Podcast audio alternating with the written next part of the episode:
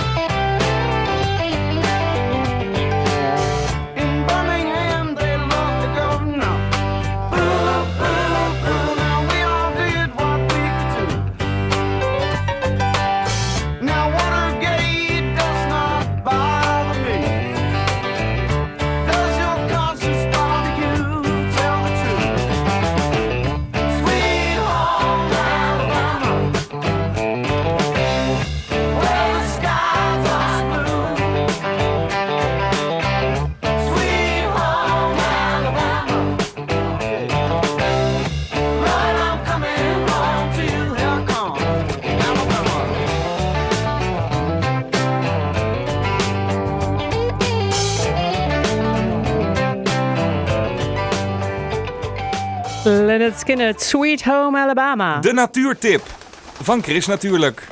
Wateroverlast, woningnood, racisme. Dat zijn niet alleen problemen voor mensen, ook dieren krijgen er soms mee te maken. In het Beest in ons, een tentoonstelling in het Natuurhistorisch Museum Rotterdam, kun je zien hoe dieren omgaan met de grote uitdagingen van deze tijd. 25 schrijvers hebben een verhaal geschreven bij een dier.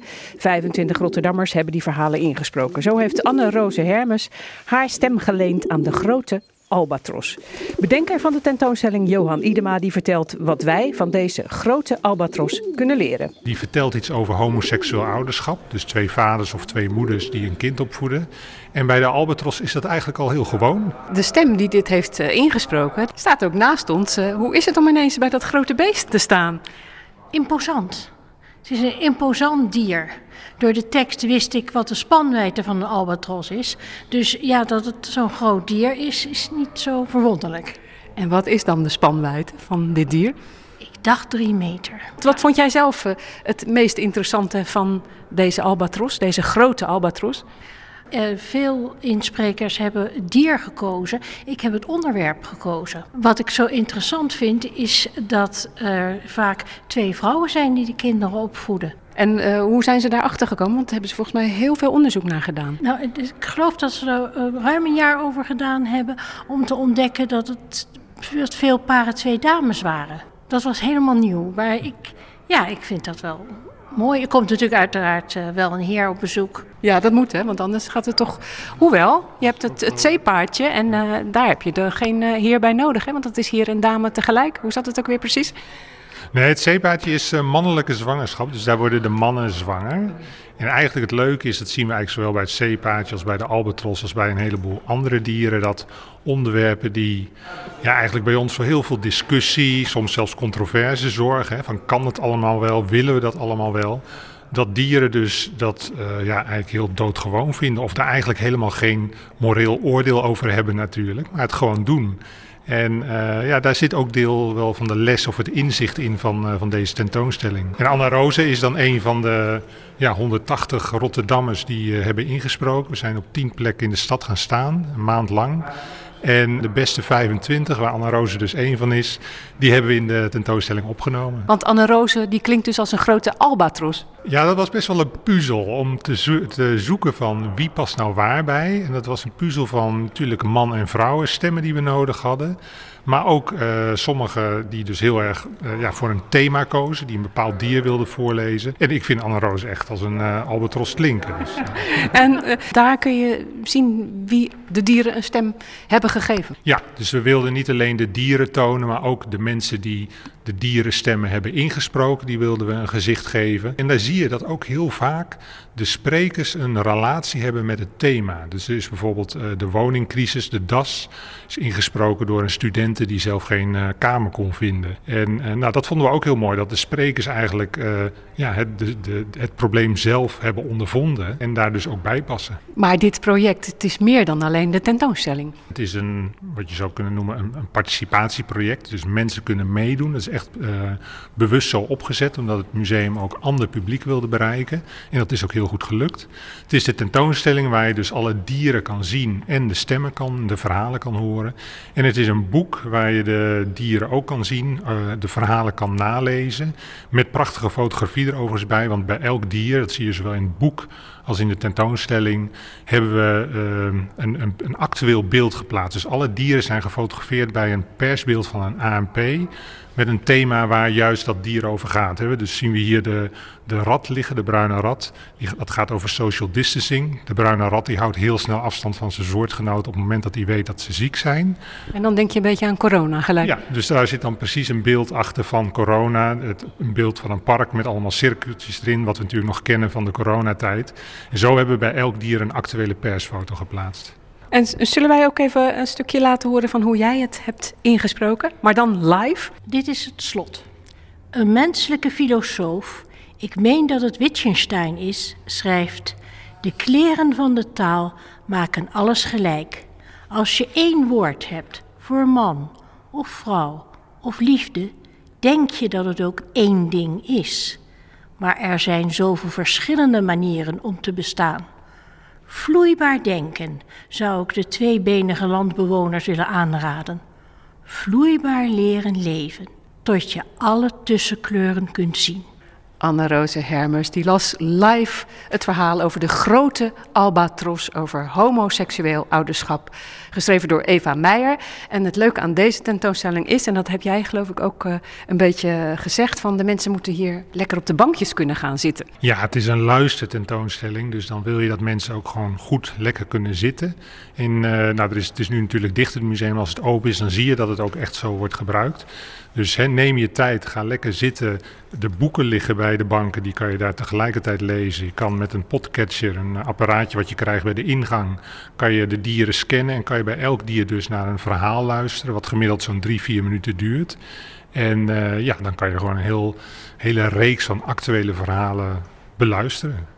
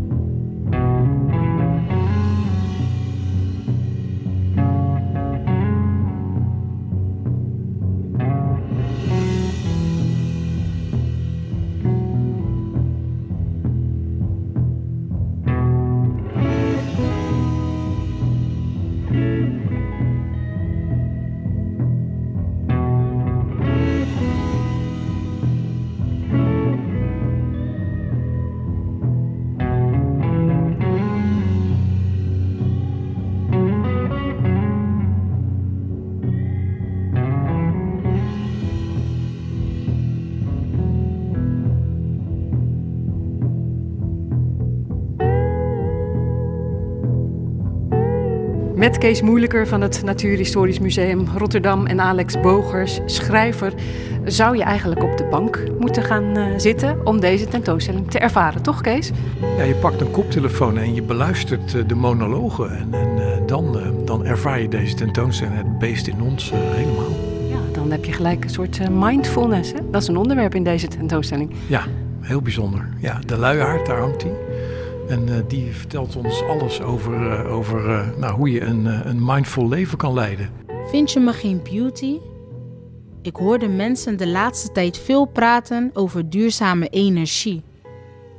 Weet je wie pas echt duurzaam omgaat met zijn energie? Juist, deze jonge papi. Mijn kracht is mijn traagheid. Keep it on the down low. Nobody needs to know. Dus niet wild gaan rennen of rare fratsen uithalen, want dan word je andermans kostje. Eindig je als een broodje luiaard, sambal, peper erbij in de bek van een biggie man? Ik hang hier lekker. Wat ik leer is dat druktemakers vaak aan het kortste eind trekken. Je moet niet overal op gaan reageren. Liever kijk je gewoon even rustig de dingen aan. Concentreer je op een paar zaken. Denk je er rustig over na en dan. Dan pas ga je over tot actie. Geloof me, daar word je gelukkig van. Ja, ik, ik teken ervoor, hè. gewoon één boom waar je, de, je heel je leven in zit. Je kent alles en iedereen. Je komt alleen maar op de grond om te poepen. En eh, nou ja, je doet gewoon je ding. Terwijl als je nagaat wat wij als mensen natuurlijk doen. Van hot naar her rennen en eh, overal bij willen zijn. Alles willen weten, alles willen doen. Het, eh, ja, het- dat betreft heeft die luiaard natuurlijk wel een... eh, die heeft het volgens mij wel gevonden. Die redt het wel. Zou het iets voor jou zijn, eh, Alex, het leven van een luiaard? Nee, niet echt. Dus ik heb wel zo'n luiaard weliswaar op beeld zien bewegen. Maar nee, daarvoor ben ik dan toch wat eh, te rusteloos. Maar jij bent de schrijver die gekozen heeft voor de kraai. Ik weet niet of alle schrijvers zomaar hun dier mochten hebben, maar jij zei, als ik de kraai niet krijg, nou dan niet. Nou, nee, zo was het niet. Er waren wel wat dieren, zeg maar, vergeven. Maar de kraai was nog over. Dat verbaasde me eigenlijk. Want eh, in de literatuur neemt de kraai vaak een eh, symbolische plek in. Dus ik, ik koos zeer graag voor dit dier. Maar volgens mij, Even kijken, want je hebt hem op je arm, toch of niet? Ik was ooit eh, fan van de graphic novel van eh, James O'Barr. Dat is verfilmd en die film heet The Crow. En dat gaat eigenlijk over een engel der wraken. Dus eh, iemand komt om het leven door een misdaad, komt weer uit de dood en neemt dan wraak op zijn, ja, eigenlijk zijn moordenaars. Met een kraai stevast op zijn schouder als zijn beschermengel weer. Nou, van die mystieke, gotische, donkere wereld die door James O'Barr, de, de schrijver, tekenaar, is gemaakt, was ik toen enorm fan. En die figuur die hij heeft verzonnen, heb ik eh, ooit op mijn arm laten zetten. Mogen we eens kijken dan? Ik vind het wel interessant. hoor. Ik, ik, ik ga al even een scalpel, dan haal ik hem eraf. Oké, maar waar zit die kraai dan? Nou ja, even. Oh, oh, dit, is, dit is de figuur en hier zijn dan oh, de... kijk, daar zijn ze. Daar, de- daar is die. Oh ja, ja, ja. Oh, hij is mooi en, zeg. en hier... Oh, maar dat is je hele arm, man. nee, dat gaat niet, dat gaat niet worden natuurlijk. Nee, ik, ik heb wel eens wel ta- eh, eh, tatoeages gezien die bewaard zijn in collecties. Dat is na, na overlijden van mensen, wordt, wordt de huid eraf gehaald en bewaard. Vind ik prachtig. Hele mooie... Ja, dat is lang geleden hoor, toen mocht dat nog. Maar eh, nou ja, Alex, laat jij het maar lekker op je, hand, op je arm zitten. Ja. Ja, hij zit daar goed. Maar ja, hier ligt dan de kraai en dan eh, in het museum een gebalgd exemplaar. Wat is dat ook weer? Gebalgd? Ja, dat is eigenlijk maar, zeg maar een, manier van bewaren, van conserveren van een vogel of een zoogdier. Dat, die, dat, dat alles ehm, eh, op zijn plaats zit, maar dat er geen aandacht besteed is aan de vorm. Zij past in een laadje en een doos. En wat is het verhaal van deze kraai? Zwarte kraai over xenofobie. Je ziet het al aan de vleugel. Normaal moet hij helemaal zwart zijn, maar die, heeft, die is wit. Die heeft dus witte veren in zijn vleugel. En ehm, ja, dat heeft, eh, dat heeft eh, Alex geïnspireerd tot zijn eh, monoloog. Ja. Maar waarom heeft hij witte vleugels dan? Nou, dat komt omdat hij eh, grootgebracht is met brood en ander junkfood. Want kraaien zijn nog niet zo heel lang eh, stadsvogels. En die zijn eigenlijk door jagers eh, verjaagd vanuit het buitengebied. Hè, worden, ze, worden ze geschoten. Dus op een gegeven moment hebben ze een jaar of 20, 30 geleden eh, ontdekt van in de stad is het eigenlijk prima. Geen jagers, geen grote roofdieren en genoeg eten. Maar dat eten is natuurlijk niet de kwaliteit die ze ge- gewend zijn van het platteland. En hier scharrelen, scharrelen ze van alles bij elkaar. Eh, in vuilnisbakken, eten brood. En dat is als je een jonge kraai bent en je groeit op en je krijgt niet het goede eten, dan krijg je witte pennen, broodpennen noemen ze dat. En dat is met deze kraai eh, gebeurd. Dus toen jij dat las, dat verhaal, eh, Alex, daar moest jij weer een verhaal van maken. Hoe ging je dat af? Ik kende dat verhaal al wel, dat eh, een kraai witte veren krijgt door eigenlijk eh, voedselarmoede. Dus dat hij gewoon junkfood eet en, eh, en niet het juiste voedsel tot zich neemt. Maar ehm, voor de, de tekst die ik heb geschreven vond ik dat niet genoeg. Ik vond juist ook, ik ging naar het dier kijken zoals die eigenlijk als symbool al, altijd al werd gezien. Symbool van het kwaad, symbool van slechtheid. eh, Een, een, een kraai op een kerkhof. En dus eh, zo keek ik dan naar. En dus ook hoe wij dat dier benaderen en eigenlijk wegjagen uit onze omgeving. Dus ook uit een soort angst. Wij willen er niets mee te maken hebben. Het is, het is, het is eng, het is zwart, het is duister. En eh, die combinatie van wat wij dier ook aandoen en dat dat zich nu laat zien in zijn verenkleed, dat heeft me geïnspireerd tot mijn eh, tekst.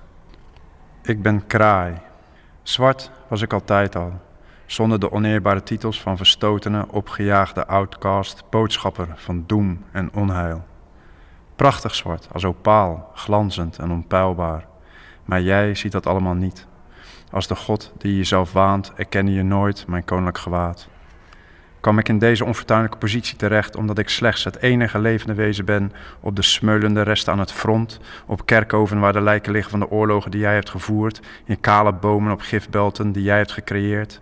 Niet je omen, zoals je mij graag ziet, geen voorteken van rampspoed, maar je gelijkenis, je evenbeeld, je schaduw in een door jou geschapen wereld, als de alleseter die je bent, de overlever die ik ben. Ik ben kraai en ik dans en hup. De valstrikken die je hebt gezet om iedereen te onderwerpen, wist ik te ontwijken. In de natuur die je naar je hand hebt gezet, wist ik nog altijd mijn weg te vinden. In het land dat je hebt verwoest en uitgeput, weet ik tussen afvalresten nog steeds mijn eten bij elkaar te scharrelen. Kruimels natuurlijk, maar genoeg om te overleven. Als de hongerkunstenaar die jij van mij hebt gemaakt. Zwart was ik altijd al. En daar neem je aanstoot aan als dienstknecht van het kwaad in jouw nageestige verbeelding. Maar in de schittering van mijn veerkleed mis je steeds de reflectie van je eigen gedaante. Jij ziet jij. De wereld is mooier door jouw werken, zeg je.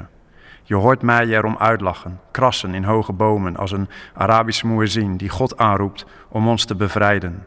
Wanneer de avond valt en jij vecht tegen je angst om de onzichtbare buiten je deur te houden, toon je weer hoe je was, wat je altijd bent geweest.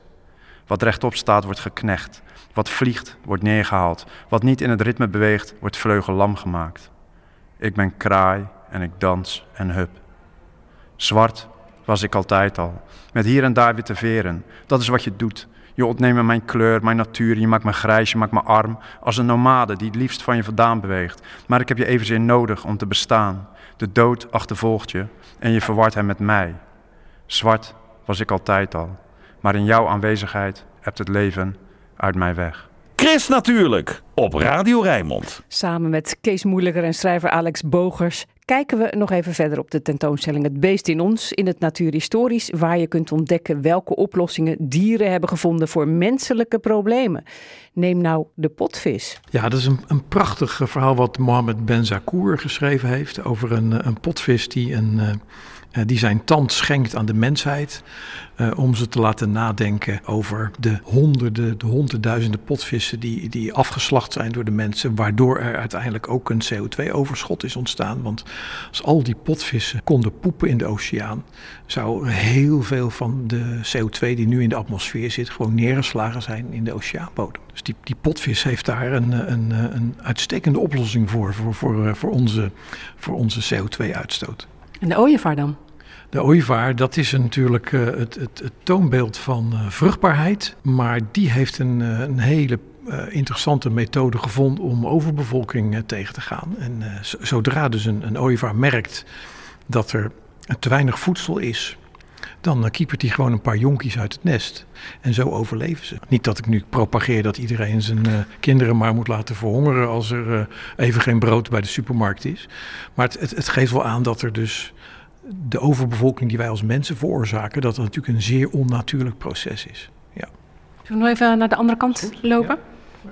Nou, hier staan echt wel enorme grote beesten. hè? Zo'n struisvogel en dan een uh, dromedaris. Ja, de dromedaris uh, die uh, door Wilfried de Jong beschreven is. Dit gaat over de, over de, de waterschaarste. Ja, als er één dier is in de wereld wat dat opgelost is, is natuurlijk de dromedaris. Hè, doordat ze een week lang zonder water kunnen. En als ze dan water hebben, dat ze dat ook nog met, met mate tot zich nemen. Ja, dat is natuurlijk een, een, een hele frisse oplossing voor het, voor het waterprobleem. Terwijl wij natuurlijk de hele dag met van die, met van die flesjes rondlopen om maar te drinken. Zo groot, hè, die struisvogel? Ja, één om te bereiden, zeg maar, zo groot. struisvogel over vrije seks? Dus uh, dat klopt misschien wel. Ja, nou ja, ik bedoelde eigenlijk zoals je een paard bereidt. Maar uh, Chris, uh, ik ga graag mee in jouw verbeelding. Struisvogel, burenliefde. Door Ernest van de Kwast. De buurvrouw doet het met mijn man. En ook met zijn zus. Niet tegelijk hoor, maar wel in de buitenlucht. En dan bedoel ik vrij in het zicht. Niet in de schaduw van een boom of achter wat struiken. Iedereen mag het weten. Wij struisvogels doen niet moeilijk. De overbuurvrouw doet het met mijn achterbuurman. En de achterbuurvrouw doet het met mijn overbuurman. Dat weet ook iedereen. Ikzelf doe het met vijf buurmannen. Wie wil dat niet? Jullie zijn vandaag uh, langer open dan normaal. Ja, en, en, en hoe? Hè? Ik bedoel, de museumnacht 010, uh, we, zijn tot middernacht open.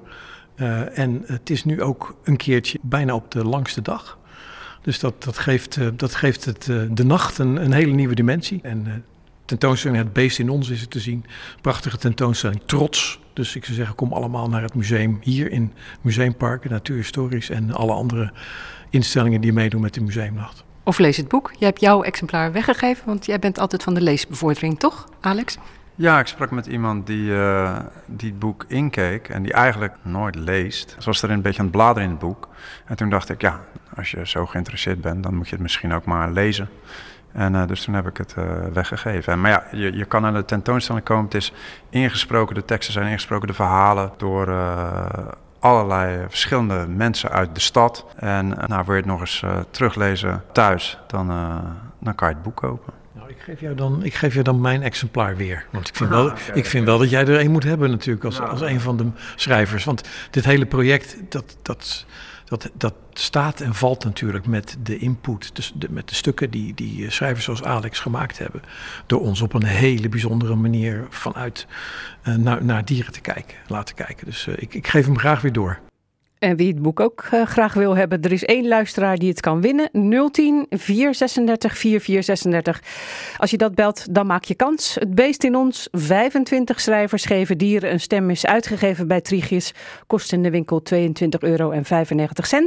En de tentoonstelling is tot en met 6 november te zien in het Natuurhistorisch Museum Rotterdam. En vanavond dus extra lang open vanwege de Museumnacht 010. Chris Natuurlijk. De weekendbijlage. Wat staat er in de weekendkranten over groen, natuur en milieu? Je hoort het in het overzicht dat ik vandaag samenlees met Martin van der Boogaard. Hallo Martin, ja, jij gaat beginnen. Goedemorgen Chris. Ja, we beginnen met een bericht uh, uh, waardoor we gelijk uh, hartstikke depressief worden. Het uh, AD gunt ons uh, namelijk een blik in de toekomst als we niks doen tegen de uitstoot van stikstof. Nou, er zijn dan bijna geen insecten meer en groente en fruit worden schaars. We betalen dan een hoge prijs voor drinkwater. Braamstruiken, die hebben gezorgd voor ondoordringbare hagen van 2 tot 3 meter hoog. Het is ook stiller geworden, want niet alleen de grutto is dan uitgestorven, maar ook roodborstjes en winterkoninkjes zie en hoor je dan nog nauwelijks omdat er nog zo weinig insecten zijn. Nou, er is, is er nog hoop, denk ik dan. Nou ja, het is uh, 21, 21 uh, het beeld wat geschetst wordt als we niks doen. Hè? Dus laten we proberen wel wat ja. uh, te doen. De landbouw die heeft zijn gewassen te veel vertroeteld, zegt Corné Pietersen in Trouw. En daardoor zijn de planten het verleerd om zich te verdedigen tegen ziektes. De wetenschapper wil de natuurlijke afweer van planten weer herstellen. Hij krijgt de Spinoza-premie van 2,5 miljoen euro om hieraan te werken. Ja, dan gaan we naar tuingoeroe Romke van der K. Die geeft in zijn column in de weekendbijlage van het AD de tip om je tuin een tropisch tintje te geven met een bananenplant. Ja, je plant eh, de bananenboom in een grote kuip, neemt er een eh, Cuba Libre bij en de zomer kan beginnen. Nou, in Zuid-Spanje is hij al begonnen. Sterker nog, door een hittegolf daar vallen de vogels letterlijk van het dak. Door de hitte zijn de afgelopen dagen duizenden gierzwaluwen in Andalusië uit hun nesten geworpen, schrijft de Volkskrant. En eh, ja, het gebeurt nog steeds dat bij warm weer honden worden achtergelaten in de auto. En dat is een misdrijf. De dierenpolitie is nu extra alert op eh, puffende viervoeters op de achterbank schrijft het eh, AD. En eh, van mij krijg je ook de gratis tip dat het niet verstandig is om je kinderen in een hete auto achter te laten. Om zelf eh, in een hete auto achter te blijven. Martin van der Boogaard was dat met het groene nieuws uit de weekendkranten en daarbuiten. En het ging vooral eigenlijk over warmte en hitte. En laten we raden, Stefan van der Gijzen, goedemorgen. Waar gaat het bij jou over? Ja, over maar één ding inderdaad. Die hitte. Want eh, ja, vandaag ligt onze regio precies tussen hele koele lucht in het noorden van ons land en hele hete lucht in het zuiden van ons land. De temperatuursverschillen zijn enorm groot vandaag en dat kan soms zelfs een hele graad schelen per 10 kilometer. Het uiterste noorden van ons land die heeft vandaag temperaturen van soms amper 20 graden. En in Limburg wordt het vanmiddag 35 of 36 graden. Met daar ook de, de waarschuwing voor extreme hitte. Nou, zoals gezegd zitten wij er precies tussenin. Daarom was het afgelopen week vaak onduidelijk hoe warm het nou precies ging worden in onze regio. Nou, nu zijn we daar inmiddels gelukkig wel uit. Het wordt vanmiddag 28 graden op de stranden tot een tropische 30 graden verder landinwaarts. Daarbij schijnt de zon volop en blijft het overal droog. Nou, wind staat er nu nog niet of nauwelijks, maar vanmiddag draait de wind naar het noorden en begint aan te trekken naar matige, dat is een windkracht 3 tot 4. Ja, dan krijg je misschien wel een beetje afkoeling, of valt dat mee?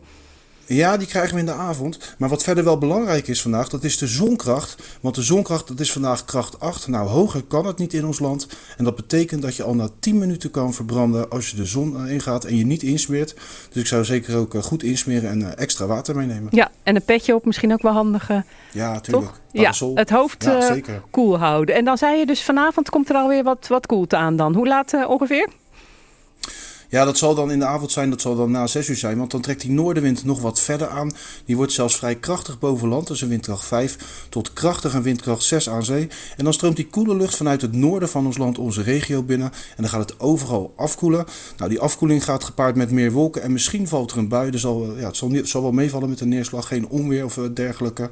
Ja, en vannacht dan trekt eh, de stevige wind nog wat verder aan. En koelt het uiteindelijk af naar ongeveer 15 graden. Niet meer zo warm dus als afgelopen nacht. Toen was het een echte plaknacht met temperaturen van 19 graden. Nou, komende nacht is er ook kans op een bui. En heel misschien dat er dan wel kans is op een klap onweer. Nou, morgen dat ziet er dan totaal anders uit. Vooral te merken in de temperatuur, want dat scheelt namelijk 10 graden met vandaag. Morgen halen we met moeite de 20 graden en staat er een frisse noordelijke wind. Met kans op een bui, maar zien we ook af en toe de zon. Nou, het is wel bizar dit weekend. En dan eh, volgende week nog eventjes kijken, maandag, dinsdag. Ja, volgende week, nou dat ziet er eigenlijk helemaal niet zo slecht uit. Dan zijn er perioden met zon. Er is een kleine kans op een bui. En de temperaturen liggen vaak tussen de 19 en de 22 graden. Met soms ook een wat warmere dag tussendoor. Dinsdag kan het bijvoorbeeld weer 24 graden. Dus voor ieder wat wils. Ja, oké. Fijn weekend, Ja. Stefan. En eh, hou je hoed op. hoi, hoi. Hoi, hoi. Luisteren allemaal naar Chris. Kom nou toch. Chris, natuurlijk.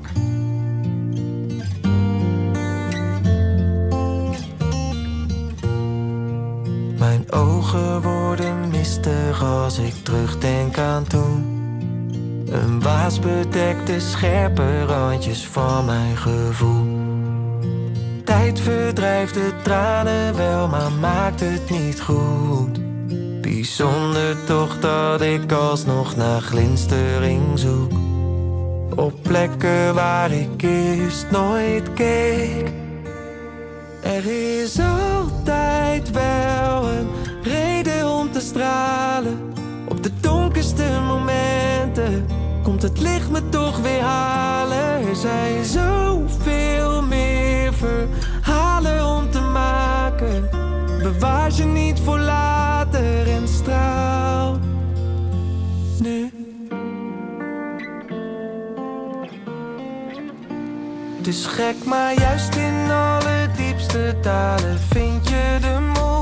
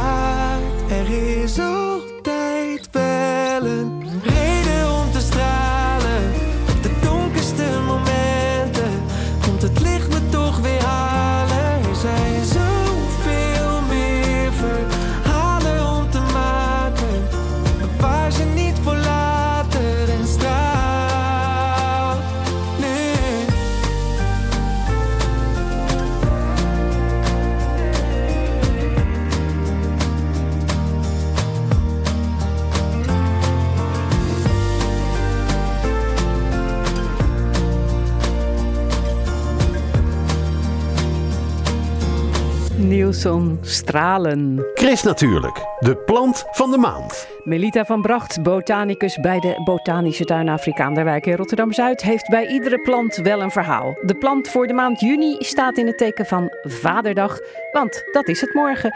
Welke plant zou daarbij passen? Nou, de vaderplant natuurlijk.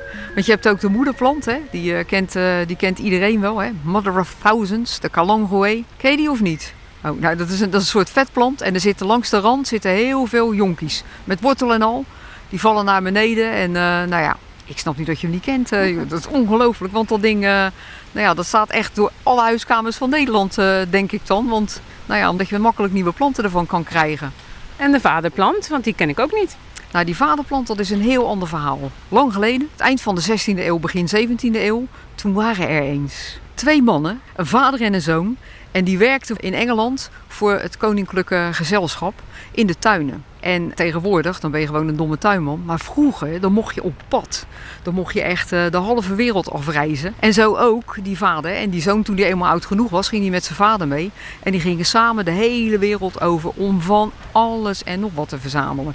Zaden, planten. Maar zelfs wanneer ze ergens anders in een ander land kwamen en ze begrepen de bevolking niet.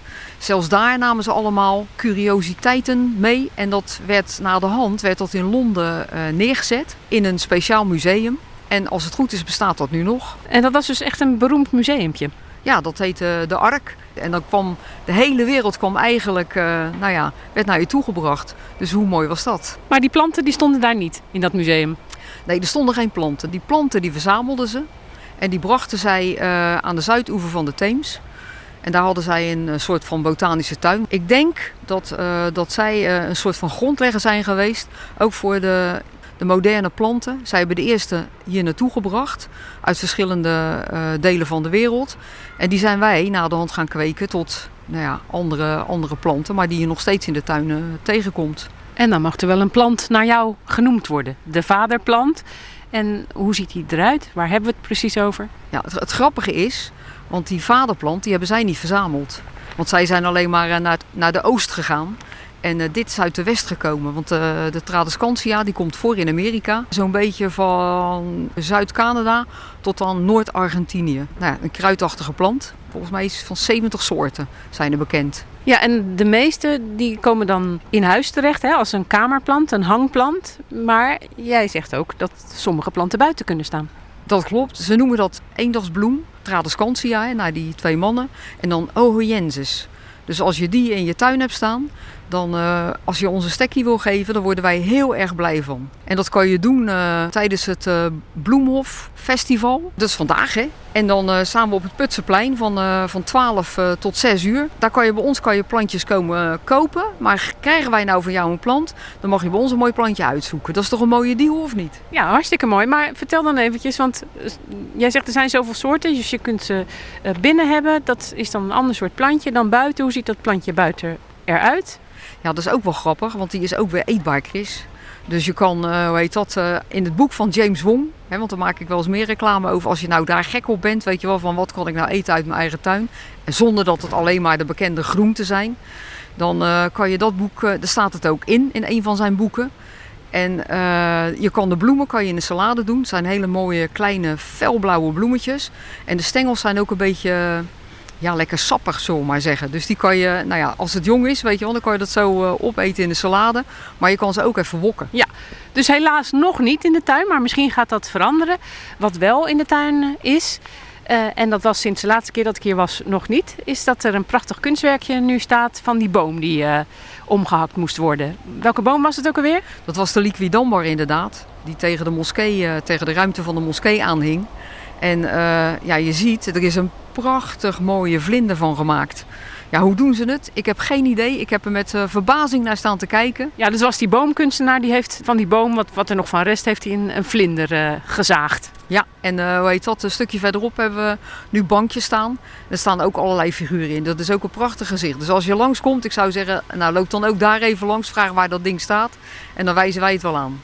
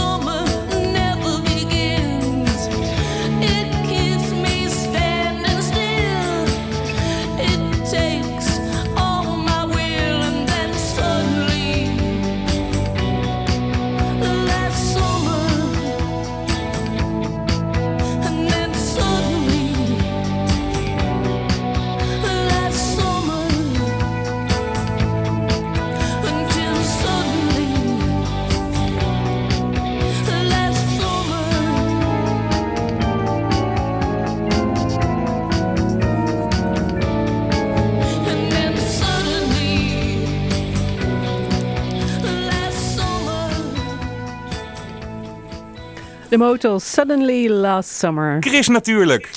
Lekker lezen. Nog geen cadeau voor Vaderdag. Een boek is altijd goed. Maar wat voor boek? Daarvoor hebben we Gert-Jan van Rietschoten van Boekhandel van Rietschoten in Rotterdam-IJsselmonde gevraagd. Gert-Jan, goedemorgen. Heel goedemorgen, de Chris. categorie boeken voor Vaderdag altijd goed. Nou, dat schud jij er zo wel een paar uit je mouw, denk ik. Ja, er zijn er wel een paar. hè. De top drie die, eh, is snel gevuld, denk ik. Eh, Denk aan de nieuwe titels die eh, net binnen zijn gekomen van John Grisham of Tom Clancy. Van die stoere vechtmannenboeken of anders legal thrillers van, van John Grisham. Of ja, in deze tijd van het jaar, ik hoorde net het weerbericht, eh, barbecue, hè, de, de nieuwe van de Smoky Goodness is ook net uit. Dus een typisch vaderdag cadeau waar je me zeker blij mee gaat maken volgens mij. Die liggen er voor iedereen wel klaar, absoluut. Ja, en eh, wil je nou iets echt bijzonders eh, geven, dan zou je kunnen gaan voor vogeltaal. Wat is dat voor boek? Ja, d- ja dit, dit is een bijzonder boek. En het is een boek dat is door twee wetenschappers geschreven. En je leert er ook echt een heleboel van. Het is iets wat vol met inderdaad wetenschap dus zit over het gedrag van de vogels, over communicatiewetenschappen. Ehm, maar het, het heeft een heleboel eye-openers aan mij gegeven ook. Ehm bijzondere bijvoorbeeld, ik realiseerde het me vanmorgen nog toen ik naar buiten liep, tussen de struiken en de bomen liep. Er is geen moment dat je geen vogels hoort. En, die vogels die communiceren dus continu eh, met elkaar. Eh, terwijl de meeste dieren dat eigenlijk juist eh, proberen om, eh, om zo weinig mogelijk op te vallen natuurlijk. Die heb je ook. Ehm, maar bij vogels werkt het heel anders. En, en die zijn zo bezig met allerlei manieren van communiceren. Niet alleen het geluid, ze maken prachtige fluitconcerten. Maar er zijn ook visuele manieren waarop ze met elkaar eh, communiceren. Ehm, oh en ja, ik denk dat dus een, ze, ze, ze kijken elkaar aan in de ogen. ja, nou ja, denk bijvoorbeeld, eh, eh, als je dat vraagt aan, aan dat hele toneelstukje wat vogeltjes kunnen opvoeren als, eh, als er een, een roofdier in de buurt is. Dat ze met een, een gebroken vleugeltje zeg maar, op de grond gaan zitten. Ehm, de, de, de, de, de roofdieren denken een makkelijke prooi, maar eh, ja, de, de echte, eh, de- degene die dat weet, die, die zal inderdaad herkennen dat dat een afleidingsmanoeuvre is. En dat er dus ergens een nestje eh, in de buurt is waar die vogels proberen de, de roofdieren van weg te halen. Dus communicatie, dat is niet alleen maar tussen die vogels onderling, maar ook eh, ja, met ons als, als mens en, en zelfs ook inderdaad met de roofdieren die om ze heen zijn. Ja, en, Prachtig en uit, mooi dit, uit dit boek of uit de wetenschap blijkt ook dat vogels, nou dat geur een belangrijke rol speelt. Ja, dat las ik ook. Heel bijzonder. En ja, nee, geen vogel met een neus gezien. Ik niet tenminste. Eh, maar blijkbaar hebben ze dus inderdaad eh, ja, daar ook eh, zintuigen voor. Ze hebben inderdaad eh, op de een of andere manier eh, cellen uitgeschakeld waar de reukorganen mee, eh, mee, mee, moeten communiceren. En ze merkten dat ze opeens heel anders zichzelf gedroegen. Ze misten dus blijkbaar een hele grote component. En konden bijvoorbeeld eh, de, de vrouwtjes niet meer vinden. De, en andersom de mannetjes de vrouwtjes niet. Ja. Ehm, dus eh, de, de reuk wordt ingeschakeld. Ja, heel bijzonder. Ja, jij bent heel enthousiast over dit boek. Hè? Niet alleen dat het er mooi uitziet en veel leuke weetjes eh, enzovoort. Noem eens een weetje. Nou, een, een bijvoorbeeld dat de bosrietzanger, die, eh, die stopt met zingen als zijn, eh, als zijn jonkies wat ouder worden. En met als gevolg dat die bosrietzangers allemaal anders zingen, want ze zingen allemaal zoals de andere vogels die ze tegenkomen op eh, bijvoorbeeld hun eh, trektocht en overwinteringsgebieden. Eh, dus dit is heel bijzonder. Ze, ze, ze kopiëren niet het gedrag van, eh, van een vader of moeder, maar van andere vogels die ze horen zingen. Want vader en moeder hebben ze nooit horen zingen in feite. Een heel bijzonder fenomeen vond ik dat. Vogeltaal. Maar inderdaad ook Ja? Ja, prachtig vormgegeven. Die foto's, fenomenaal. Ja, en het heet dus Vogeltaal. Het is eh, geschreven onder meer door Barbara Ballantyne. Het is uitgegeven door de New Scientist en het kost in de winkel 24,99 euro. Dan hebben we Toon Tellegen, altijd goed voor een glimlach of, of soms eh, ook dienend als eh, troost, die verhalen van hem. En dit keer schreef hij De Liefste Wens. Ja, ja. Eerder had je natuurlijk al een boek in deze uitzending over het beest in ons. Over wat we kunnen leren als we ons eh, in het perspectief van dieren verplaatsten. En Toon Teller is daar natuurlijk een meester in. Ehm, en ik denk dus als je dit aan de vader geeft, dit boek. ehm, ik geloof dat er wel 80 kleine verhaaltjes in staan. Echt twee bladzijden zijn ze steeds. Ehm, maar iedere vader herkent een, eh, een, een, een, een boekje of een, een verhaaltje. Oh, wat vertel over eens welke jij gaat, herkent dan. mij. Nou, de eerste al. Ja, als ik, eh, eh, weet je, als ik inderdaad over mezelf denk als vader, denk ik al snel van ja, belangrijk en ik moet de weg wijzen, zeg maar inderdaad. Hè, en, en laten zien waar we naartoe moeten, misschien voor mijn dochter, eh, zeg maar, die ik dan nog niet helemaal zelf toevertrouw. En dan is het openingsverhaaltje, dat is dan het aardvarken. En ik denk dat hij een ontdekkingsreiziger moet worden. En het aardvarken denk dat hij heel stoer bezig is. En hij gaat de ondoordringbare plekken gaat hij, eh, gaat hij op zoek naar, naar mooie eh, plekjes waar hij, eh, waar eh, nou ja, de wereld mee kan verkennen en kan ontginnen. En opeens springt er een krekel voor zijn neus. En die krekel die zegt, oh, dit is mijn dagelijkse ommetje, wat doe jij hier? Ehm, en dat gevoel had ik ook een beetje inderdaad toen mijn dochter tegen hem zei van... Ja, maar je hoeft me niet uit te leggen waar ik naartoe moet. Ik heb Google Maps toch? Of eh, eh, weet je- je, hebt er altijd van die momenten dat je realiseert... Ja, ik ben niet zo heel belangrijk. Eh, mijn dochter die kan het prima zelf. Die eh, heeft me op andere manieren misschien Een nodig. sturende ouder heet dat. Ja, Het, ja, het, precies. het vuurvliegje. Wat, wat wil die? Ja, schijnen als de zon. Je kan eh, ja, een vuurvliegje zijn, maar eh, deze heeft grootheidswaanzin natuurlijk. En er zijn er veel meer inderdaad met onmogelijke dromen. De giraf wil een kortere nek hebben, om wat voor reden dan ook. Die heb ik nog niet gelezen, moet ik eerlijk zeggen. Hoor. En de mammoet die wil niet uitgestorven zijn. Maar misschien is een hele mooie ook. Er moet altijd iets zijn om te wensen. Dus vaders, als je hoopt dat morgen nou de mooiste dag van het leven gaat worden... zou vervelend zijn uiteindelijk. Want dan heb je geen nieuwe mooiste dag van je leven inderdaad waar je naar uit zou kunnen kijken. De ruilmuis, die heeft de liefste wens dat er een dag komt die de mooiste dag van zijn leven zal zijn. Maar ook dat die dag altijd nog moet gaan komen. Ja, dat is echt een hele mooie. De liefste wens van Die is Toon diep, hè? Tellige, uitgegeven bij Querido. Eh, ja, dat kan je kopen bij de boekhandel in je eigen buurt. Dan betaal je er 17,99 euro voor. En Gert-Jan, jouw liefste wens voor Vaderdag is natuurlijk wel het boek The Barefoot Dutchman van Anton Notenboom. Ja, ja, ja. Als vaders denken dat ze altijd maar stoer en krachtig en fysiek bezig moeten zijn, dan moet je de Barefoot Dutchman lezen. Dat is wel een man inderdaad, die past bij die uitdrukkingen die ik net noem. Als je hem ook voor op de eh, om- omslag ziet staan, grote, stoere, brede vent. En eh, het blijkt dat hij oorlogsveteraan is. Eh, hij heeft een aantal missies in Afghanistan gedaan, maar is daar... Nou ja, helaas was eh, veel van zijn collega's natuurlijk ook gebroken van teruggekomen met PTSS en met allerlei nou ja, manieren waarop hij het leven eigenlijk niet meer aankon. Hij zocht eh, eh, zichzelf en, en, eh, eh, nou, kon zichzelf niet vinden. Hij heeft eh, eh, allerlei problemen daarna meegemaakt. Je moet denken aan drugs, je moet denken aan vreemdgaan als het gaat over zijn relatie. Hij is helemaal ingestort. Ehm, en eigenlijk wat hij het, uit die periode het moeilijkste vond, is dat hij er eigenlijk nooit met iemand over heeft durven praten. En dat heeft hem aan het denken gezet. Ehm, en nou, de Barefoot Dutchman, je kan hem kennen van, van misschien de, de verhalen die je hebt gezien, televisie, radio. Hij is eh, eh, als enige ehm, ongetraind en op blote voeten eh, naar het, het kamp van de Mount Everest toegelopen. Ehm, Maar waarom ja, doe je dat op blote voeten eigenlijk? Precies, Staat dat er ook ik bij? voelde hem aankomen, je vraag. ja. nou, omdat hij iets bizars wilde doen. Eigenlijk was dat het, eigenlijk het enige wat hij, wat hij als, als motivatie had. Ik moet iets bizars doen om aandacht te trekken. Want ik vind het zo bijzonder wat ik nou gedaan heb. Of eh, wat ik wil gaan vertellen. Ik moet aandacht pakken. En dat heeft hij dus naderhand nog een keertje gedaan in Australië. Duizenden kilometers op blote voeten. En heeft daar zoveel fans en volgers gekregen die met hem mee wilden lopen. Ook om te, te praten ook over zijn oorlogsverleden en over hoe hij daarmee moest dealen en over wat hij geleerd heeft, over, over hoe het is om, om man te zijn en, en hoe je elkaar kan steunen. Ook als je denkt dat je stoer en krachtig moet zijn, dat er een verhaal is wat je moet delen. Ook als je nou, verdrietig bent en het, eh, het leven niet meer zo ziet zitten. Ehm, en dat heeft hij dus als een persoonlijke missie dus eh, ehm, toen opgepakt. Ja. En zo is dat En- en- daarom blote eh, voeten. We kunnen nog steeds veel van hem horen ook. Doet hij nog steeds die dingen of is het alleen het boek? Ja. Nee, hij, is, eh, ja, het is, hij woont in Australië, dus hoe hij het precies regelt weet ik niet. Maar eh, eh, ook in Nederland is hij zeker inderdaad aanwezig voor allerlei meetings en voor, voor eh, noem zoiets van, van die eh, TED-talks en eh, bedrijven die ja. kunnen hem inhuren ook. Hij kan op allerlei manieren dus mensen motiveren. Maar hij is ook bezig met eh, bijvoorbeeld eh, ehm, eh, ademhalingstechnieken, waarmee hij eh, ehm, nou, de mensen probeert om rust te krijgen en, en te zorgen dat hij ook op die manier kan, eh, kan motiveren. Ja, dus en alles, iedereen kan dit eh, boek eh, natuurlijk lezen.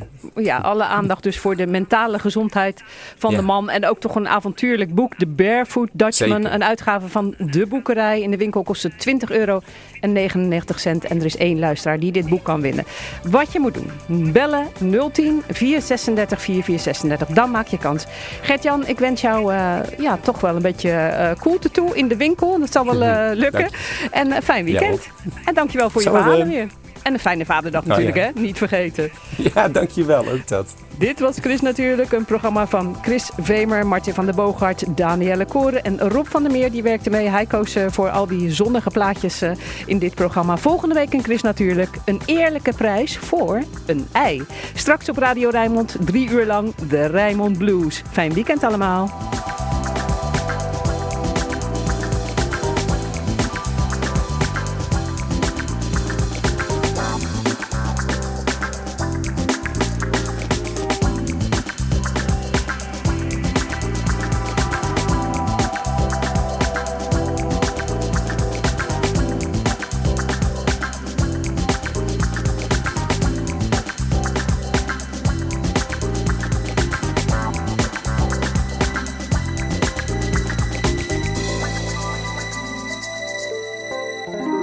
Natuurlijk. Kijk ook op chrisnatuurlijk.nl